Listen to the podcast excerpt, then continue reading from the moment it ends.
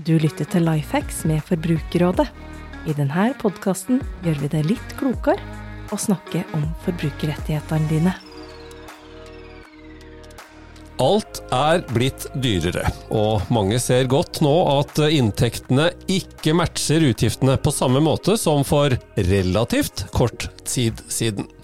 Hva skal folk gjøre, hvilke små og store grep kan vi ta, og når kan du stole på at tilbud er faktisk et tilbud? Ja, velkommen til Lifehacks med Forbrukerrådet. Jeg heter Bengt Eigil Ruud. Gjest i dag er forbrukerøkonom og gründer Guro Solien Eriksrud i Frid. Jeg Skal fortelle litt hva det er for noe om et øyeblikk, når jeg har sagt hei også til Berit og Thomas, som er med som vanlig.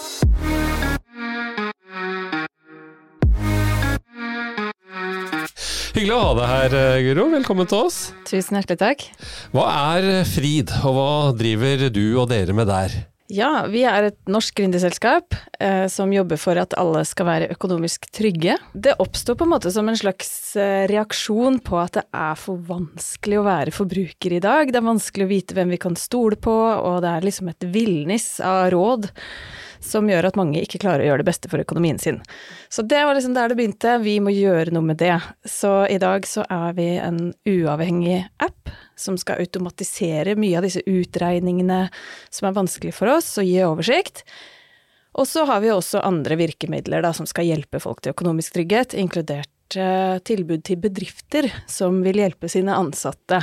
Ja. For det er veldig aktuelt nå, for vi ser jo at problemer hjemme tar vi med oss på jobb. Og det er jo en del i gata av det som vi holder på med også, og dere Mm. opplever at dere treffer eh, forbrukere som ønsker og trenger eh, det, den typen hjelp fra dere.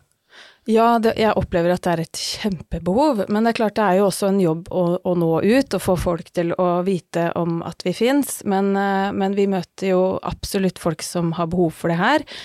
Og det som er spesielt i dag, da, er jo at det er kanskje litt lettere å innrømme at det kan være nyttig med litt sånn tips og hjelpemidler, fordi vi alle kjenner på prisveksten og det som skjer i dag, da. Så dette er absolutt ikke noe for de som sliter, men det er jo for oss alle at det er lurt å gjøre lure ting i økonomien sin.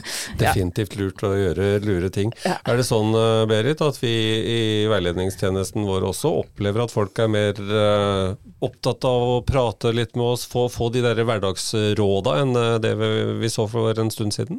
Ja, så absolutt. Det er ikke slik at folk bare ringer inn når de har et måte, veldig konkret problem. Men det er kanskje mer en sammensetning av små ting, eller også store ting, selvfølgelig, men hvor på en måte det er helheten som gjør at her har det blitt et problem, og at man da ja, rett og slett ønsker noen tips og råd mer sånn i hverdagen, og ikke bare på det konkrete rettighetsspørsmål eller lignende. En eh, ny undersøkelse fra SIFO, Forbrukerforskningsinstituttet ved Oslo OsloMet, eh, der svarer 18% av husholdningene at eh, de har økonomiske utfordringer, og av disse så er det 153 000 husstander som betegnes som ille ute økonomisk. Hvordan passer det med ditt inntrykk av situasjonen, Gro? Ja, nei, det, det stemmer nok helt sikkert. Og, og når det er ille ute økonomisk, så tenker jeg det er utrolig viktig å, å huske på at da er det gjerne ille ute i livet generelt. Altså fordi å ha det så dårlig økonomisk, det påvirker hele livet, og det er jo jeg er egentlig ikke spesielt opptatt av penger for min del, men jeg er veldig opptatt av hvordan folk har det. Ja. Uh, og de har det forferdelig. Ja. Og det som er interessant med den, eh, disse tallene, er jo også at uh, veldig mange flere er sårbare og veldig bekymra. Så ca. halvparten regnes jo i dag nå av nordmenn i, i den kategorien. Og det er ekstremt mange eh, i Norge. Ja. Så det er veldig spesielt det vi står i nå. Og endringen har skjedd forholdsvis fort. Ja, det har det. Det har det. Ja. Og, og nordmenn generelt eh, er jo kjent for ikke å være spesielt flinke på økonomisk planlegging, f.eks. Skrive budsjett og den type ting. Og det er jo det som vi kanskje får svi litt for nå, da. At vi kastes ut i en situasjon som vi ikke har trent på. Og det er jo faktisk ikke sånn at folk automatisk blir flinke til å gjøre noe de ikke har gjort før. De har aldri øvd på det før, fordi det trengs. Og det, og det tror jeg vi ser nå, da.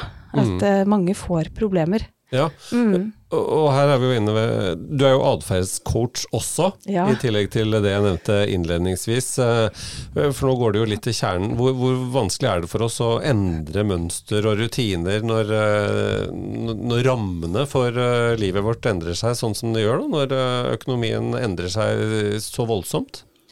Altså, endring er slitsomt for folk, generelt sett. Det er jo en grunn til at f.eks. så innmari mange har eh, planer om å gå ned i vekt og trene mer sant, hvert år ved, ved nyttår, og at ikke så veldig mange får det til. Det er slitsomt å stå i endring over tid. Og, og, og sånn er det jo også med økonomi for mange. Eh, Det kan være lettere når, når det på en måte må, ikke sant. Mange får det til når de kastes utfor et stup, men, eh, men det kan fortsatt være kjempevanskelig. Som jeg var inne på i stad, så er vi jo typisk sånn at vi må øve på ting for å bli bedre. Eh, og spørsmålet er om vi rekker å øve fort nok og gjøre endringer uh, tydelige nok i tide. Eh, det gjelder for veldig mange nå. Og så er det jo de som var, hadde veldig lite fra før. Ikke sant? Som ikke har noe mer å gå på. Hva gjør du da? Og, og det er mange som er fortvila nå. Ja. Ja, for det har vi vært innom i en tidligere podkastepisode også, når det liksom, der hvor det ikke var noe særlig å gå på fra før. Og det er klart at det blir vanskeligere og vanskeligere når uh, ting blir tøffere. tøffere. Uh, vi pleier å peke på noen av de store utgiftene, Berit. Uh, skal vi gå innom dem også først eh, nå? Ja, gjerne da på det som faktisk er store utgifter for folk. Boliglån eh, er jo for de mange den aller største, eh, og også forsikringer.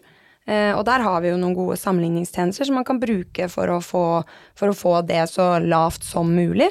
Eh, og så er det jo også noe med at eh, på f.eks. For forsikringer har mange, er mange dobbeltforsikret og har for mange utgifter på ting som ikke egentlig er nødvendig. Eh, og så er det klart at alle må ha alle må ha penger nok til å kunne betale strømregningen sin, eh, og til å kjøpe seg mat. Eh, og det er jo de tingene man da på en måte må passe på at man får prioritert. Men det er klart at har man egentlig allerede så lite at man nesten ikke kan gå på butikken engang, så, så står man i en vanskelig, vanskelig situasjon. Og da er det jo de store grepene som hvert fall man kan hjelpe, få litt hjelp på, da. Mm. Og så kan vi bruke rettighetene våre, Thomas, til å, til å gjøre noen grep også, og til å i hvert fall unngå nye utgifter, om ikke du sparer noe på det du allerede har kjøpt. Ja, og det handler litt det samme om at når du er i en pressa økonomisk situasjon, eller du har dårlig råd, rett og slett, så vil jo en eh, typisk en vaskemaskin som slutter å fungere, eller eh, hvis bilen må på verksted eller et eller annet sånt, fort kunne bli en, en utgift du sliter med å dekke.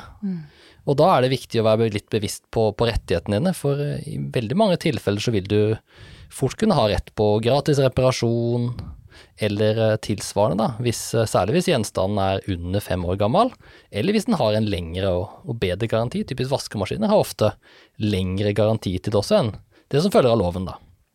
Så da er det viktig å bruke forbrukerrettighetene sine og, og klage der man kan. For det er veldig dumt å kjøpe en ny vaskemaskin hvis du egentlig kunne fått den reparert den gratis. Ja, Guro, hva slags grep eh, når vi snakker endring, eh, som du var innom her, eh, hvordan kan vi endre for å, for å spare litt eh, overalt og så mye som mulig hele veien? Ja, ikke sant. Det kunne jeg snakka lenge om, men, men jeg pleier å trekke frem mat og drikke som kanskje det aller viktigste, rett og slett hvordan du handler dagligvarene dine.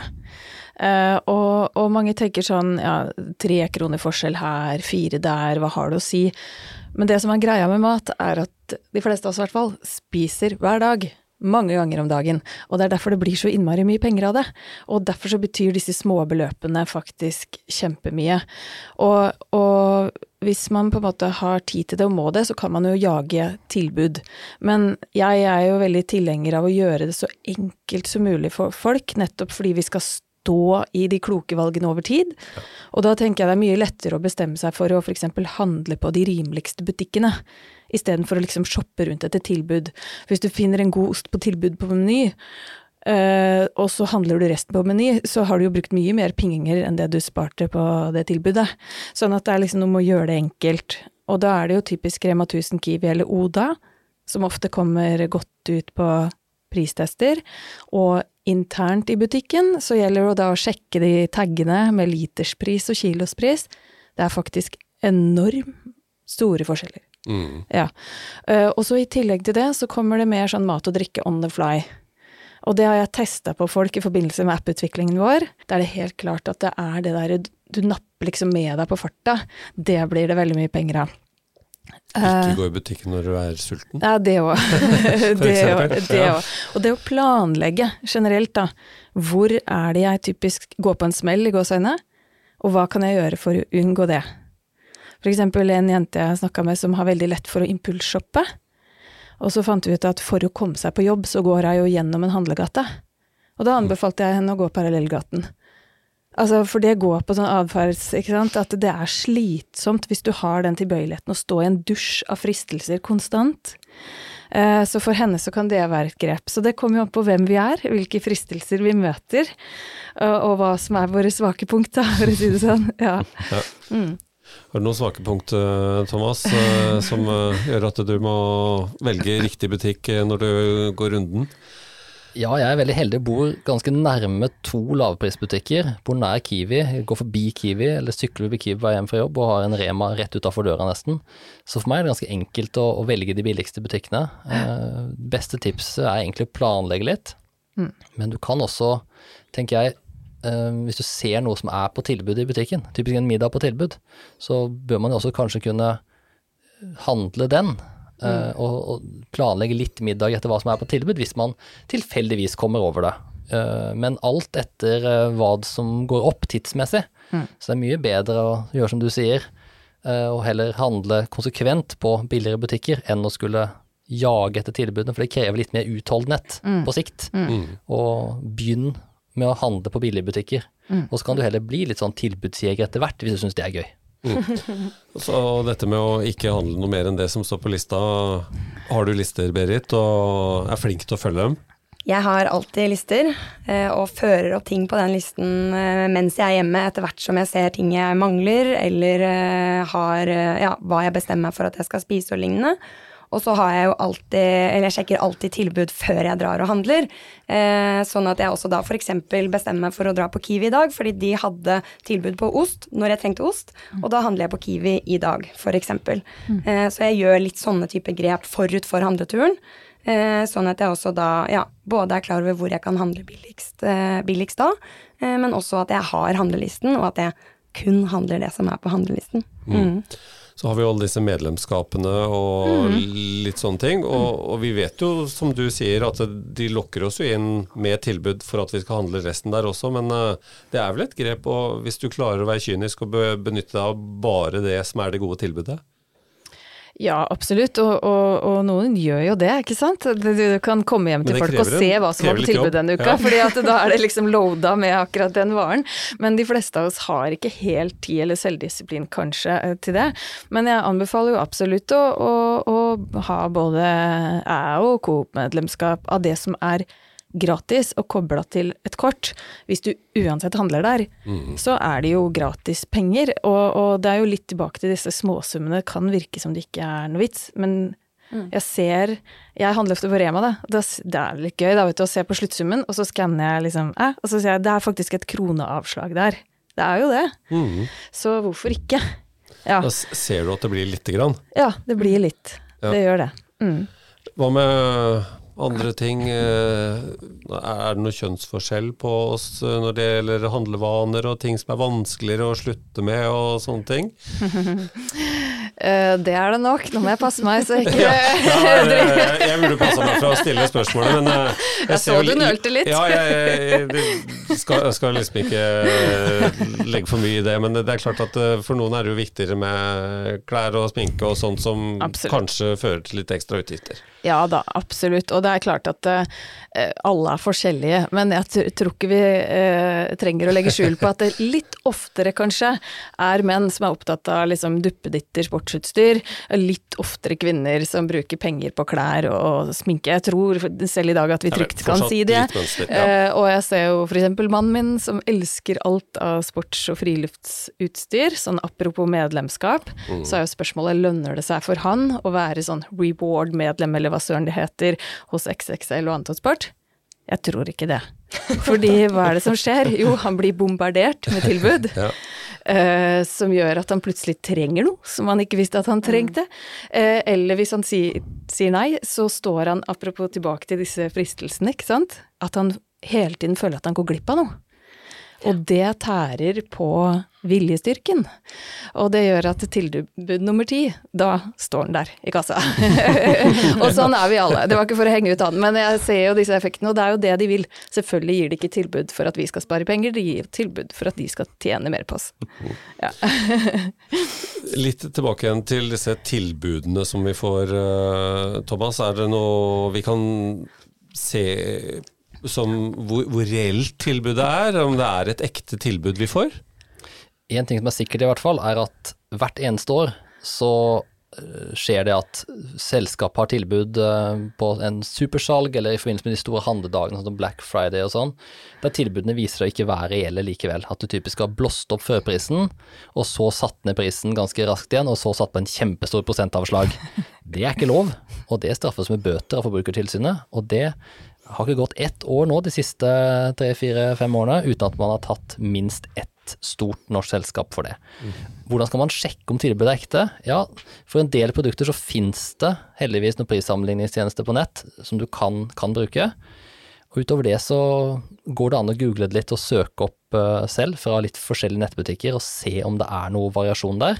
Og hvis gjennomsnittsprisen typisk, da, hvis det er snakk om en litt større investering, ligger liksom jevnt, og så er det en som er liksom høyt over og så et godt tilbud, er det bare å velge et annet sted, eller vente til det kommer et reelt tilbud hos, hos de andre aktørene. Så et annet tips her er jo at hvis du trenger noe, og så er det greit å kanskje vente på et tilbud. Hvis ikke det er noe du trenger akutt, så går det an å, å la det gå en måned eller to og se om det kommer på tilbud. Det er mulig å gjøre. Kan jeg få skyte inn noe der? Ja, selvfølgelig. Og kjøpe brukt. Kjøpe brukt, Ja. selvfølgelig. Der er det mye penger å spare. Der er det mye å Og spare. apropos vaskemaskin som ryker, som du var inne på i stad, det er jo typisk sånne produkter som du kan få gratis også. Mm. Så, så det er mange som har lite i dag. Men det er søren meg mange som fortsatt har mye òg. Og bare gi bort fine ting. Det er jo kjempebra for eh, miljøet også, da, som jeg er litt opptatt av.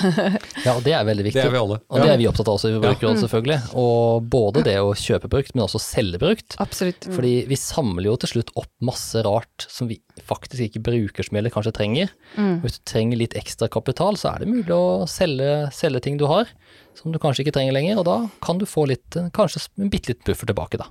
Absolutt. Er det å kjøpe brukt eh, en av disse eh, bøygene for oss? eh, Litt sånn dørstokkmil å starte med det? Ja, det tror jeg. For mange.